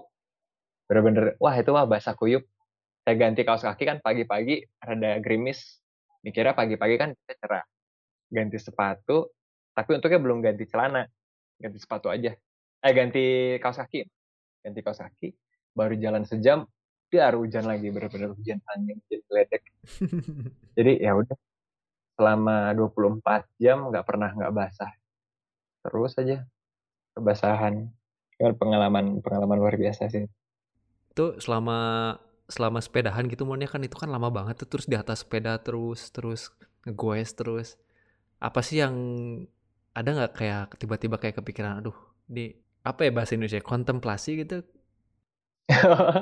merenung oh, merenung merenung jadi ada nggak ya apa yang yang masuk di aduh merenung, uh, gitu atau eh. atau yang di kepala Emon apa sih waktu itu ada ada uh, kata-kata uh, yang paling sempurna untuk menjelaskan kondisi kontemplasi itu uh, datang dari Mas Mas Cak kita Hmm. Dia salah satu penggiat gravel di Jakarta, adminnya gravel gravelan. Mas Cak bilang, pas saya ketemu Mas Cak tuh, per berapa menit pas lagi gue sebarang, dia selalu mengutarakan kalimat ini. Apakah yang kau cari, hai kisanak? Supaya yang jalan gini, nanonan, ayo kita ngapain, saya ngelakuin ini ngapain. tapi uh, walaupun walaupun gitu ya um, dengan pemandangan-pemandangan kita lewat Daendels kan lewat jalan Daendels yang lurus kosong rata hmm. terus masuk ke pantai Parangtritis daerah Panggang sempat lewat ke Solo uh, ke Surakarta ke daerah Magelang kaki Gunung Merapi keluar di Kebu Kebumen nyusur pantai selatan hmm. terbayarkan dengan dengan pemandangan-pemandangan yang indah dan dan nggak pernah gitu uh, kalau kita lagi di atas sepeda pasti ngerasanya ada ada dopamin hitnya gitu selalu bahagia hmm. nggak hmm. pernah nggak pernah tuh kita naik sepeda nggak senyum hmm. buat buat saya juga naik sepeda itu mungkin um, transportasi terbaik untuk untuk meli untuk traveling ke tempat-tempat baru Hmm, hmm, hmm. Karena dia nggak selambat lari. Kalau lari kan kita 20 menit masih di di situ-situ aja gitu. Hmm, Kalau naik sepeda 20 menit kan udah Bandung Lembang gitu. Pemandangan berubah-ubah. Itu jangan dijadiin standar, Mon. Itu mah emon. Nggak, memang sekitar segitu kan. Uh, maksudnya dia lebih cepat dari lari, mm -hmm. tapi lebih lambat dari naik motor dan mobil. Oke. Okay. Terus uh, sangat imersif buat emon naik sepeda itu karena kalau kita naik motor kan otomatis pakai helm. Hmm. Sensori pendengaran dan perasaan otomatis terblok kan dengan helm, dengan baju, dengan jaket. Apalagi naik mobil, uh, jendela ditutup semua, AC nyala, penciuman kita nggak berinteraksi gitu. Hmm. Penciuman kita nggak berinteraksi dengan lingkungan sekitar kita. Kalau di sepeda itu semuanya berinteraksi. Mata kita melihat pemandangan, penciuman kita ngelihat setiap daerah pasti ada wangi yang beda-beda gitu hmm. uh, masuk ke cengkeh di daerah Jogja. Uh, kalau ada kebun cengkeh pasti kecium bau cengkehnya. Masuk daerah pantai benar-benar kecium bau lautnya. Terus dari dari apa bentuk terrain dan topografi daerah itu juga berasa banget nanjak dikit aja tawan itu nanjak. Hmm. Jadi interaksi uh, indera lima indera kita semua terstimulai ter apa Stimul. terstimulasi. Hmm, hmm jadi kita merasakan sebuah daerah full, full banget. Hmm. Gak ada yang terblok sama AC, sama musik, sama helm, semuanya berasa. Jadi um, emang naik sepeda itu selalu sesakit-sakitnya ya masih enjoy. Selalu happy lah ya kalau udah di atas sepeda mah. Mm-mm, walaupun kadang-kadang happy-nya harus butuh dua hari setelahnya gitu baru happy. kayak setiap setiap kali kita mau apa pun apa itu olahraganya untuk adventure ada namanya type type one fun. Kalau tipe satu fun itu kita lagi ngelakuin kita bahagia gitu. Hmm. Langsung terjadi kebahagiaannya. Ada yang type two fun. Kalau tipe dua itu pas kejadian kita nggak ngerasa bahagia, tapi pas udah beres baru wah kemarin seru banget ya. Hmm. Ada type three type three fun. Kalau type three itu butuh beberapa bulan baru pas dikenang wah seru banget ya kemarin kalau Jogja kemarin 600 kilo itu uh, antara type 2 dan type 3 fun lah pas kejadiannya mah yes happy happy sedikit tapi baru baru ngerasa banget wah kemarin tuh seru banget. Hmm. seminggu setelahnya. Type 4 nggak ada mon? Jadi sebelumnya tahu, sebelumnya belum. sebelumnya merasa fun sebelum melakukan tapi sesudah dan pas sedang melakukan nggak ada fun sama sekali. Expect ekspektasinya terlalu tinggi. Uh, iya iya gitu. Jogja kemarin 600 luar biasa luar biasa. Uh, oke okay, jadi selamat mon kayaknya belum belum ngasih selamat deh. Aku teh ya udahlah. Selamat ya mon ya. 600 kilo. Terima kasih banyak. Sok telat saya mah. Oke jadi uh, beberapa pertanyaan terakhir nih mon. Jadi setelah Audax nih 600 kilo lomba apa nih yang selanjutnya? Atau misalnya apa pun itu event yang pengen Emon jadi pesertanya di sana?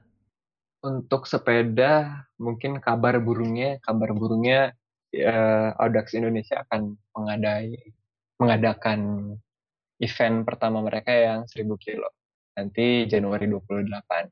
Wow. Saya ikutnya apa enggak belum tahu nanti lihat aja gimana. Ini setelah Jogja udah dua minggu belum sepedahan sama sekali. Ngeliat sepeda tuh udah kayak ah, malas aja ngeliatnya. Uh, uh.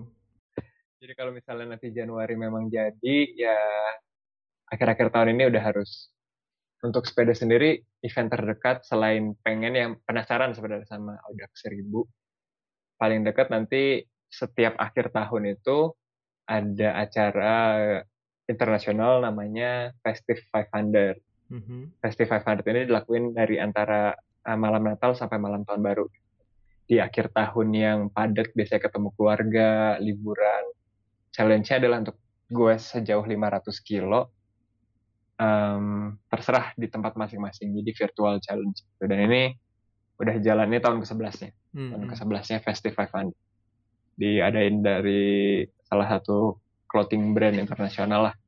Hmm. yang memang olahraga. Paling itu aja sih Festive 500 hmm. baru ngejar si kalau jadi Audax 1000 sama kemarin karena lagi istirahat dulu dari sepedahan sekitar dua minggu sempat balik lagi ke dikit-dikit latihan parkour sama manjat tebing. Hmm, hmm. Manjat tebing kemarin udah lumayan. Ada beberapa kali lah. Ini rencana weekend ini juga ke tebing lagi. Hmm, hmm, hmm. Kalau saya jadi nggak nggak nggak nggak ada terprogram harus gimana gimana gitu. Kalau ada event baru dilatih, kalau nggak ngikutin kesempatan yang ada aja. Hmm, hmm. Kalau tiba-tiba Didit balik ke Bandung, nanti ngajakin naik gunung, hayo saya ikut. Hmm, hmm. Cuman biasanya setiap kali ngelakuin sesuatu selalu ada yang penasarannya gitu. Hmm. Nanti um, program latihannya dan dan lain-lainnya diikutin dari nunggu penasaran itu keluar dulu. Jadi lebih spontaneous, nggak ada uh, target jangka panjang gitu. Saya nggak ada. Oh. Walaupun memang mungkin setelah nyobain Audax penasaran sih kalau misalnya nanti bisa ikut World Championship-nya Audax itu per empat tahun di Paris Brest Paris. Uh. Itu mungkin mungkin penasaran ke sana, rada penasaran. Uh. Nanti kalau jadi qualifying year-nya itu 2022 uh-huh. untuk acara 2023. Nanti 2022 harus ulang lagi 200, 300, 400, 600 dapat title super runner untuk dapat lottery ikut si Paris Brest Paris ini. Hmm jadi Paris Brest Paris ini lomba sepeda tertua lah yang recorded oldest bicycle race mm -hmm. in the world. Uh. 1200 1200 kilo dikasih waktunya sekitar empat hari. Kalau dapat, tapi jangka panjang. Sisanya mah jangka-jangka pendek biasanya mah lebih saya sendiri lebih spontaneous. Apa opportunity yang dikasih? Kalau saya penasaran sama opportunity itu, dilakuin lah sebisanya sebaik-baiknya gitu. Hmm, hmm, hmm, Oke, okay. Good luck lah selamat buat apa tadi teh Festive 500 sama kalau misalnya jadi yang ikut yang seribu Audax. Seribu. ikut man. Ini masih Ayo ikut. Aja. Denger denger dengar Audax seribunya aja ini pantat langsung berdenyut-denyut. capeknya yang 600 kemarin masih berasa. Uh, kebayang kebayang 600 kilo ah 100 aja udah males. Apa tadi nggak usah lah itu mah. Bandung Lembang aja udah males tadi ngebayanginnya. Cuman kalau dilakuin ya tadi saya nggak nggak nggak dipikirin gitu deh nggak sama sekali nggak pengen harus kayak gini. Ah. Nah, uh, penasaran aja iseng-iseng dicoba ternyata bisa Hmm. Jadi nggak nggak ada tekanan gitu. Ada tekanan. Hmm, hmm, hmm. Lebih dilakuin gara-gara penasaran. Hmm, hmm, Oh oke okay, oke. Okay. Jadi good luck lah Mon lah buat selanjutnya kalau ada tantangan yang pasti siap selalu didukung Makasih lah. Banyak. Good luck juga untuk di di masa-masa pandemi di negeri orang. Amin. Hati di sana. Amin. oke, okay, um, segitu aja Mon buat wawancaranya di podcast ini. Sebelum ditutup, tapi Emon belum Emon karena nggak pernah ngedengar podcast kurang, jadi apa? Sebenarnya Mon sebelum tutup. Aduh jangan gitu, atau saya jadi merasa bersalah. udah di download ini Spotify-nya udah udah di save yuk playlistnya. kumaha kumaha. Gak, gak, Oke, jadi biasanya nih Mon di sesi-sesi yang lain uh, sebelum eh sesudah wawancara sebelum ditutup biasanya ada game. Nah, buat ada game. Nah, nah buat yang lainnya buat Apa ini tuh? Jadi biasanya nih gamenya adalah kayak kuis gitu jadi orang nyebutin nama negara nanti uh, ya yang jawab gitu berusaha jawab gitu ibu kotanya apa? gitu. Nah okay. nah itu yang biasa. Tapi karena emang nggak biasa orang bikin kuis yang bener-bener kuis ini mah. Jadi M1 ini kalau bagi anak-anak juga dikenal sama orang yang pengetahuan umumnya aduh dalam dan luas. Jadi Orang udah buat 10 pertanyaan, Mon. Dari ah, kalau kalau soal sepeda mah hayulah. kalau bukan sepeda mah aduh. Tapi tapi orang rada yakin sih ini Mon bisa beberapa. Ada yang susah eh, tapi ada yang gampang. Kita coba. Jadi aduh, aduh. Tenang, aduh. tenang, Mon. Gak usah, gak usah. gak usah terlalu terbebani. Kalah juga nggak jadi ayo, apa pun, ayo, ayo. menang juga nggak dapat apa pun, jadi tenang, Mon. Ayo, ayo, ayo, ayo, ayo. Oke, siap? Ya. Oke, jadi pertanyaan nomor satu. Deng, deng, deng, deng. Jadi Indonesia, mon, hmm. selain eh kan Indonesia itu ibu kotanya Jakarta ya. Betul. Tapi dulu Indonesia itu pernah punya ibu kota lain selain Jakarta. Coba bisa sebutin nggak salah satunya apa? Ah. Jangan Google. Uh, Batavia, Batavia ada Jakarta. Apa ya pusatnya? tahunya mau pindah mau pindah ke mau pindah ke Kalimantan kan? Ke Kalimantan. Nah, nah ini mah sebelum itu dulu itu mah kan masa depan. Nyerah apa ya? Enggak enggak kalem kalem kalem. Lima ibu kota pasti di tengah-tengah. empat tengah-tengah paling apa ya? tiga, paling established. dua Jogja? Yogyakarta. Ah. Betul. Ding, ding, ding. Jadi sebenarnya dari yang apa dari yang orang research ada tiga sebenarnya yang pernah jadi ibu kota selain Jakarta di Indonesia. Jadi Yogyakarta itu dari tahun hmm. 1946 sampai 1948. Terus setelah Oh, udah setelah merdeka atau sempat ke ya, Yogyakarta? Iya, karena waktu itu adalah uh, perang revolusi kalau nggak salah. Setelah merdeka hmm. jadi Belanda mau nyoba sekutu sekutu mau nyoba masuk lagi ke Indonesia tapi kita berusaha menolak lah perang istilahnya terus Jakarta udah jatuh ke Belanda terus akhirnya pindah ke oh, Jogja. Karena ya, ya. satu lagi apa deh? Uh, ada dua lagi sebenarnya jadi satu lagi Bukit Tinggi di Sumatera Barat. Itu nggak di tengah-tengah dong Bukit Tinggi mah. Iya, nggak selalu di tengah itu mah. itu bayangan Emon aja selalu di tengah. Strategis. Jadi Bukit Tinggi di Sumbar tahun 48 sampai 49 terus katanya nih dari internet juga Biren juga di Aceh pernah walaupun cuma seminggu katanya di tahun 48. Jadi kalau misalnya salah informasinya jadi mohon maaf saya mah bukan sejarawan gitu. Tapi Emon dapat satu poin. Selamat Mon.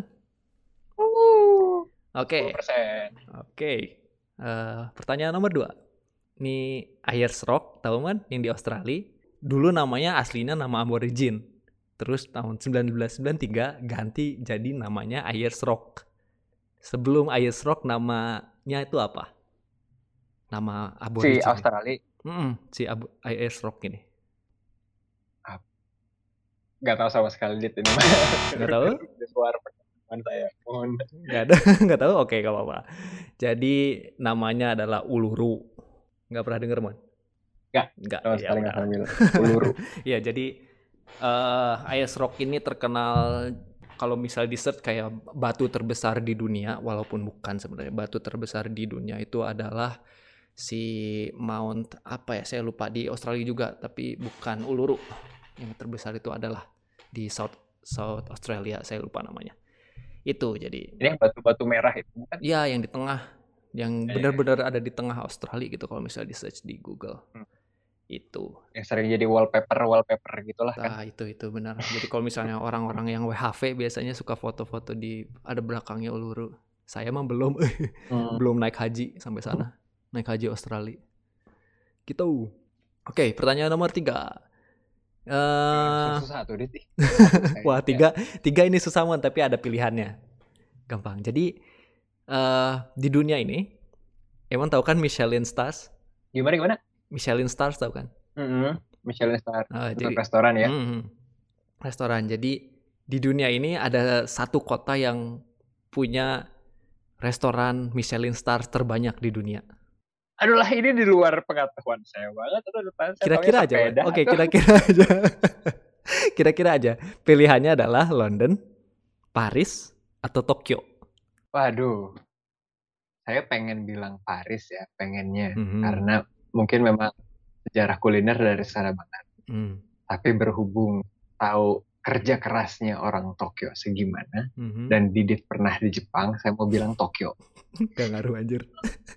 Gak yang orang Jepangnya oke, okay, tapi yang Didit pernah di Jepangnya itu gak ngaruh, gak gak gak masuk. Ya pasti Didit nanya aja hal-hal yang Didit tahu. Jadi secara uh, rule of reduction Tokyo. Oh, oke. Okay. Final answer? Final answer Tokyo. Oh benar Mon. Jadi di Tokyo itu ada 304 katanya yang punya Michelin Stars. Itu di satu kota itu. Di satu kota. Heeh. Edan. Emang lah orang Jepang mah. Emang perfeksionis semua sih. Edik perfeksionis. Di Instagram ada tuh apa akun Sleeping in Tokyo. Pokoknya isinya orang-orang yang ketiduran di subway, orang-orang yang ketiduran di taman gitu tiduran gara-gara kecapean kerja. ya saking. Ya, nggak mon nggak mon. Orang yakin itu itu orang yakin itu bukan gara-gara kecapean kerja. Jadi mereka habis kerja kenapa? mabok gitu. Yakin ya mon itu mabok Bisa. bukan bukan itu. Kalau capek kerja mau pulang pasti. Tapi itu ya oh, biasanya ya ya orang mah sebagai orang yang nggak minum alkohol gitu ya nggak nggak paham gitu. Orang yang hmm. udah capek gitu kerja capek-capeknya terus setelah kerja tuh bukannya pulang buat tidur tapi malah pergi gitu minum sampai mabuk terus akhirnya tidur di mana aja gitu kan mungkin kalau mereka pulang masih kepikiran kerja kali dia jadi dimabokin supaya nggak masuk akal sih ya Oke, dua dua dari tiga lumayan. Dua dari lumayan. tiga, oke. Okay. Sekarang pertanyaan nomor empat. Wah, ini mah saya nggak yakin sih, tapi kita cobalah. Coba, coba. Apa? Ada pilihan nggak? Ya, kalau misalnya Emon buntu, orang kasih pilihan tapi orang buat okay. sendiri. nah, jadi Oke, okay, oke. Okay. Danau terdalam di dunia itu apa, Mon? Wah. Kalau kalau titik terdalam laut udah udah udah common knowledge lah, hmm. Mariana Trench. Hmm. Dan terdalam. Hmm. Uh, coba saya guess ya. Berhubung kemarin ada berita yang kapal tenggelam di Danau Toba yang dikira Danau Toba cuman berapa ratus meter, taunya jadi berapa ribu meter. Mm -hmm. Saya mau bilang Danau Toba. Final answer? Final answer Danau Toba. Salah mohon. Jadi yang terdalam itu ah. ada di Rusia. Oh iya, danau apa tah? Lake Baikal namanya. Gitu. Jadi berapa kilo tuh ke dalam? Uh, 1642 meter. Yang paling dalam yang pernah dicatat katanya gitu. Emang Toba tapi emang Toba sedalam itu ya katanya? Jadi kan kemarin ada kapal tenggelam mm -hmm. gara-gara badai. Mm -hmm. Jadi di awalnya cuma dikira 500 meteran. Mm -hmm. Terus setelah dites lagi ternyata lebih dalam. Oh ya nggak tahu sih mungkin aja mengalahkan Lake Baikal. Tapi Lake Baikal tuh gede banget anjir. Kayaknya enggak deh. Enggak. Kalau nggak salah nggak nyampe nggak nyampe sekilo dah kedalaman. Hmm. Di upgrade gitu tapi nggak sedalam itu. Oh itu mah Lake Baikal artinya udah satu mil iya ya oh, 1600 1,6 kilo tah sedalam itu Oke, jadi dari empat soal ya, baru dua. Setengah-setengah dong. Uh, uh, tenang. 50 persen. Masih. Gak lulus ini. Belum, atuh masih banyak. Ini 10 pertanyaan kok. Tenang, tenang. Oh ya, oke lanjut, lanjut, lanjut. Lanjut. Soal nomor 5. Di tahun 1976, ibu kotanya Vietnam, kan Saigon, itu ganti namanya. Sekarang jadi apa? Huh? Ibu kotanya Vietnam tahu nggak, Man? Tahu, tahu. Saigon. Nama dulunya Iya, nama Ho Chi Minh bukan? Nama sekarangnya? Nggak tahu. Bukannya dulunya Ho Chi Minh? Uh, Saigon. Dulunya Saigon. Iya, ya Ho Chi Minh. Ho Chi Minh. Ho Chi Minh, Ho Chi Minh City. Oke. Okay. Dulu kan Saigon. Mm -hmm. Saigon pas zaman-zaman perang dingin. Sekarang jadi Ho Chi Minh kan? Oke. Okay. Final answer? Ho Chi Minh. Oh, benar. Selamat. Yeah. dulu zaman zaman kuliah suka ini suka sempat baca novel-novel novel-novel tentara gitu. Wih. Sempat rada-rada tentara-tentara kayak Didin. Hah? Sorry ya, nggak gitu. oh oke okay, oke, okay. itu ada fasenya, itu ada fasenya, tapi nah, saya juga ada fasenya. suka baca novel-novel apa? Uh, ya tentara-tentara di sana lah. Zaman-zaman kultur kayak lumayan seru itu. Oh. Ya ya betul betul betul. Jadi Saigon itu sekarang jadi Ho Chi Minh City. Gitu. Oke, okay, pertanyaan nomor 6 dari 5 soal emang udah 3 atau bener kan? Lumayan kan? Oke, lumayan. Nama nih gampang. Tapi inget ya nggak boleh nggak boleh Google. Terus harus berurutan. Jadi e, benderanya negara Jerman kan ada tiga ada tiga warna tuh. Dari atas sebutin warnanya apa? Anjir. kala kala kala kala. Aduh, Jerman teh uh, hitam, kuning, merah. Hitam, kuning, merah, yakin? Yakin. Final answer? Apa ku, apa merah, kuning, hitam ya? Hitam, kuning, merah lah. Hitam, kuning, merah. Da, kalau balik ngeliatnya kan jadi bisa juga deh. Ngaco, emang ini bendera Thailand apa kebalik masih sama? hitam, kuning, merah. Hitam, kuning, merah. Oke, salah Muan. Merah sama kuning kebalik. Aduh, no. Jadi hitam, merah, kuning harusnya. Oh. Gitu. Nah, oke, oke. Ya. Maklum diseleksi ya. Ya. Aduh. Iya. Oke, lanjut ke soal nomor 7. Wah, ini ini rada susah sih, Mon. Tapi ya kalau misalnya Mon nggak tahu, kurang kasih. Kalau misalnya buntu ya, kurang kasih inilah, kasih pilihan. Jadi hewan okay, nasional okay. dari Skotlandia itu apa, Mon? Random Anda. Aduh. Kasih pilihan? Gak, gak tahu sama sekali ini, Waya. Bentar, bentar, bentar, bentar. Scotland. Ah, susah ini, Mama. Pengen bilangnya kuda sih. Mikirnya, mikirnya Braveheart, Braveheart gitu. Tuh, kasih pilihan. Pilihan ya. Satu naga. Dua unicorn. Tiga biri-biri. Biri-biri apa coba? Biri-biri itu ship, ship. Oh, yang paling masuk akal sih ship sih. Hmm. Unicorn kayak nggak mungkin dah unicorn. Naga masih masuk akal. Dan cerita-cerita dari sana kan suka uh, apa? Knights Knights ngebunuh ini, ngebunuh naga. Biri-biri lah. Biri-biri. Walaupun harusnya mau biri-biri New Zealand ya. Hmm. Oke, okay. final answer -biri. final answer. Biri-biri. Uh -uh. Oke, okay. salah mon. Jadi jawabannya yang jawabannya justru adalah yang M1 gak paling kepikiran. Unicorn. Unicorn asli. Serius. Eh, coba aja Google Aduh, deh. Jadi unicorn mah harusnya benderanya ini ya tuh San Francisco atau sebagai sebagai hewan yang paling ditempelkan ke komunitas LGBT atau ya tapi ya nggak tahu tuh itu mah tanya tuh ke apa pemerintah Skotlandia kenapa milih unicorn jadi alasannya katanya adalah karena unicorn itu punya simbol uh, purity, innocence, sama power di mitologi Celtic. Gitu katanya. Hmm. Bukan Pegasus, unicorn pisan. Bukan, Pegasus mah kayaknya nggak masuk budaya saya eh apa? Mitologi Celtic deh. Pegasus mah kayaknya masuk ke mitologi Yunani. Iya. iya kayaknya iya. ya. Jadi mohon maaf kita rada kedengar kayak apa so tahu tapi ya ini mah dari Google semuanya saya juga. Oke. Okay. kamu yang bikin pertanyaan. ya setidaknya ini mah setidaknya udah ada di Google gitu orang nggak nggak apa nggak hmm. nggak ngayal gitu oke pertanyaan nomor 8 Mon. Siap-siap? Siap. Ini kayaknya Emon bisa. Jadi museum terbesar di dunia itu apa Mon? Ma aduh museum terbesar. Ini ini museum terbesar. nggak usah jauh-jauh Mon. Ya bukan bukan di Indo juga sih tapi nggak usah jauh-jauh mikirnya. Bukan di Indonesia. Uh, mikirnya nggak usah jauh-jauh. Apa museum terbesar? Nggak tahu saya deh guessing aja deh. Atau mau dikasih pilihan? Mau dikasih pilihan nggak bentar ini gedungnya atau areanya? Lah museum lah ya se semuseum museum ya. Pengen bilangnya Pearl Harbor sih gara-gara laut kan. Hmm. ya pelabuhan gitu mau ngasih pilihan nggak nih? Mereka kasih pertanyaan aja pilihan pilihan pilihan oke. Okay. supaya mati. Oke. Okay. kesempatan. Nomor satu Smithsonian. Oke. Okay. nomor dua Hermitage. Hermitage di mana? Nomor tiga Louvre atau Louvre nggak tahu lah gimana pronunciationnya. Louvre.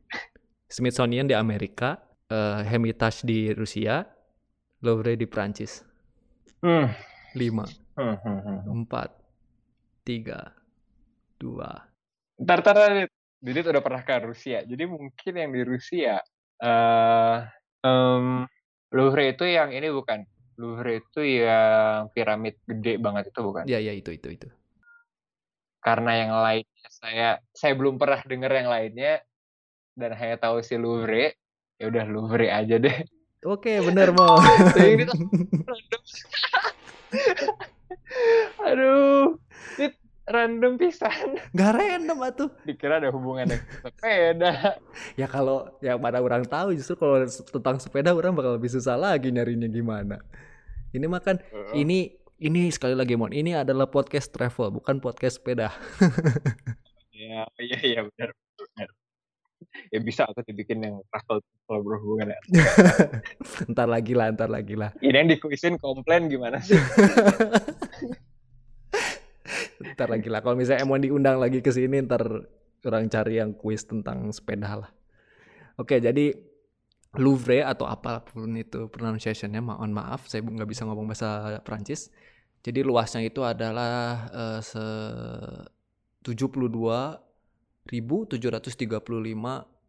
meter persegi katanya. Terus ada koleksinya. itu piramid itu doang? Enggak lah itu kan ada gedung juga ada gedung dan pokoknya seluas museum itu. Sama lahan parkirnya juga? Iya yang nggak tahu sih sama lahan parkir nggak nyampe tapi koleksinya aja koleksinya aja ada 380 ribu terus yang ada di displaynya ada 35 ribu katanya. Jadi masuk akal itu masuk ter museum terbesar di dunia. Dan tadi yang di Rusia itu mon Hermitage orang emang pernah ke sana itu di Saint Petersburg. Itu adalah museum terbesar kedua di dunia yang terbesar. Hmm. dan berapa hari kalau mau beresin semua itu? Wah kayaknya kalau dilihatin satu-satu nggak akan beres sehari. Banyak banget orang juga di sana asalnya kan ah pengen lihat lah satu-satu pokoknya kayaknya bisa deh sehari Gak mungkin. Jadi udah aja cuma jalan kaki doang gitu lihat oh ini bagus, oh ini bagus, oh ini bagus udah gitu. Tapi nggak tahu itu juga sempat ngeliat semuanya atau enggak. Gitu. Oke, oke, oke. Lumayan. Dan memang si Louvre itu ikonik banget sih. Ikonik banget kayak sering banget keluar di Instagram kan. Nah iya. Pasti kalau udah ada namanya travel travel blogger gitu pasti ada gitu fotonya di depan Louvre. Hmm, hmm. Ikonik, ikonik. Nah makanya tadi orang bilangnya ah nggak usah terlalu jauh man. soalnya hmm. banyak hmm. kayaknya oh, foto-fotonya oh. Uh, itu yang di US nggak pernah dengar bang US Smithsonian Smithsonian orang -hmm. ingetnya justru kenapa masuk ke pilihan itu karena ada di itu film apa Night at the Museum kalau nggak salah yang kedua gitu. oh oke okay, oke okay, oke okay, oke okay, I itu kan lumayan itu juga yeah. besar kelihatannya tapi itu bukan terbesar hmm. oke okay, masuk hmm. pertanyaan ke sembilan dua lagi mon Emon tahu Baltik? Baltik. Baltik. Negara-negara Baltik tahu? Baltik Sea. Baltik Sea, ya. Yeah. Nah, itu kan mm -hmm. nama ini ya nama laut Baltic Sea. Terus ada juga nama negara negara-negara yang termasuk negara-negara negara-negara Baltik. Kebanyakan ngomong negara. Apa aja mon kira-kira nama negaranya yang termasuk Baltik? Eh, negara-negara yang termasuk ke negara-negara Baltik, Baltic States. Terus orang harus nyebutin satu-satu semua negara yang dikelilingin sama Baltic Sea. Cuma ada tiga sebenarnya mau yang masuk ke Baltic States. Baltic, daerah Baltic. Nggak tahu, yang saya tahu hanya daerah-daerah Baltik situ yang berhubungan dengan parkur. Apa? Daerah situ ada si Oleg Forslav. Latvia. Oke, Latvia satu Mon. Oke, bener itu. Uh, uh. Dua lagi. Udah nggak tahu lagi. yang terkenal di parkur masih Latvia. Hmm. Oke, ya udahlah nggak apa-apa lah. Kita anggap bener aja karena emang susah. Jadi Latvia itu bener masuk. Terus satu lagi itu ada Estonia. Eh dua lagi maksudnya. Satu lagi Estonia, terus satu lagi itu Lituania. Lituania. Gitu. Jadi ya itu karena negaranya ada di sekitar Lautan Baltik dan di beberapa catatan juga sebenarnya Finlandia masuk ke negara Baltik tapi lebih cocok masuk ke negara Nordik sama Swedia, hmm. Norway dan kawan-kawan. Kenapa? Saya nggak tahu alasannya kenapa. Itu mah di Google lah saya nyari. Susah pertanyaan. ya, ya, maksudnya Mon. Terima kasih sudah dianggap benar ya. Jadi minimum lima benar gitu. Jadi Mon harusnya ya pikirannya adalah kenapa Didit nyiapin kuis yang susah karena di ekspektasi Didit atas Emon itu tinggi gitu Mon. Oh, nah, ini, ini tipe 4 tadi yang Didit Ekspektasinya terlalu tinggi. Bener juga. Ya sudahlah. Tapi ini mah nomor 10, Lanjut. nomor 10 mah gampang, Mon. Terakhir deh. Oke. Okay. Emon ini kalau nggak bisa kebangetan. Em Waduh. Emon orang Bandung kan? Eh, bisa dibilang lahir di Bandung. Oke, okay, warna bendera kota Bandung Mon apa coba? Aduh, uh, Ayo hampir Bandung. Hampir tiap hari kan bisa Ada dua pilihan ini mah Bandung mah uh, satu biru tua, hijau sama kuning atau emas. Mm -hmm. Atau yang satunya lagi mah biru. Sebagai bobotoh atau merah putih biru. Bangga dipilih mana yang lebih pas. Lah, Emon lah ini yang jawab. Ayo mau milih yang mana? Kalau nggak salah itu sih uh, warnanya. Ada warna hijau, mm -hmm. kuning atau emas sama biru. Mm -hmm. Atau ya benderanya Boboto, merah putih biru. Dan yang biasanya mah biru. Nah, jadi milih yang mana?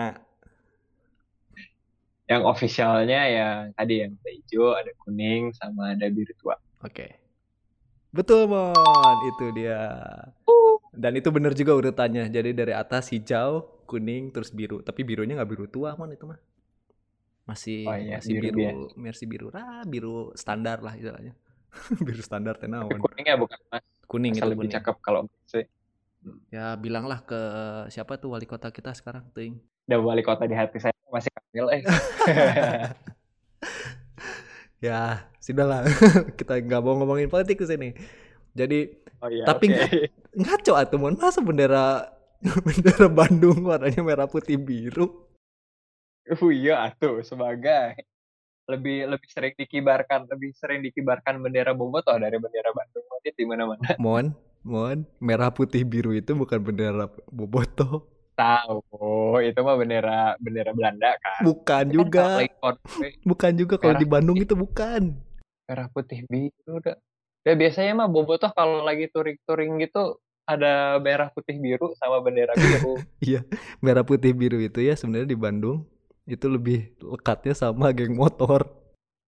Oh iya. Makanya. Oh iya.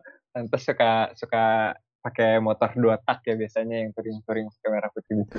Makanya.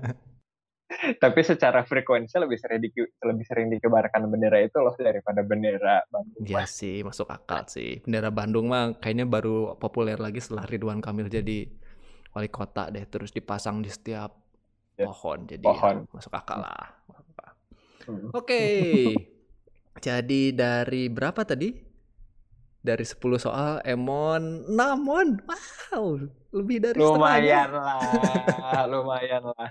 Nggak jauh dari ekspektasi lah 60 persen. Iyalah masih lulus lah kalau kuliah masih gitu mah 60 persen. B lah eh enggak lah C lah istilahnya. C C C. C minus minus dikit dikasih dikasih poin lah kalau disuap dikit. Oke jadi itu aja mon. Terima kasih sudah mau terima ikut kasih. serta di quiz yang saya buat ini yang ekspektasinya terla ternyata terlalu tinggi buat Emon harusnya dibuat lebih nyantai lagi dibuat lebih simple tapi sudahlah. Gitu. Jadi sekali lagi Mon terima kasih udah mau diundang eh, malam-malam mau di ah di wawancara mau digangguin di podcast ini. Nggak diganggu atau senang udah lama nggak ngobrol-ngobrol sama Wih, terima kasih terima kasih. Kehormatan mau di setelah sudah mau datang di podcast ini. Jadi um, sampai ketemu lagi mon. Nggak tahu di mana. Nanti kalau misalnya saya pulang ke Bandung pastinya. Nggak tahu kapan. Atau misalnya mungkin Emon mau main ke Australia mon. Kalau misalnya masih di sini Aduh, itu juga. yes. nanti kita jalan-jalan bareng. Siap. Oke jadi segitu aja mon. Sampai ketemu di lain kesempatan. Dadah.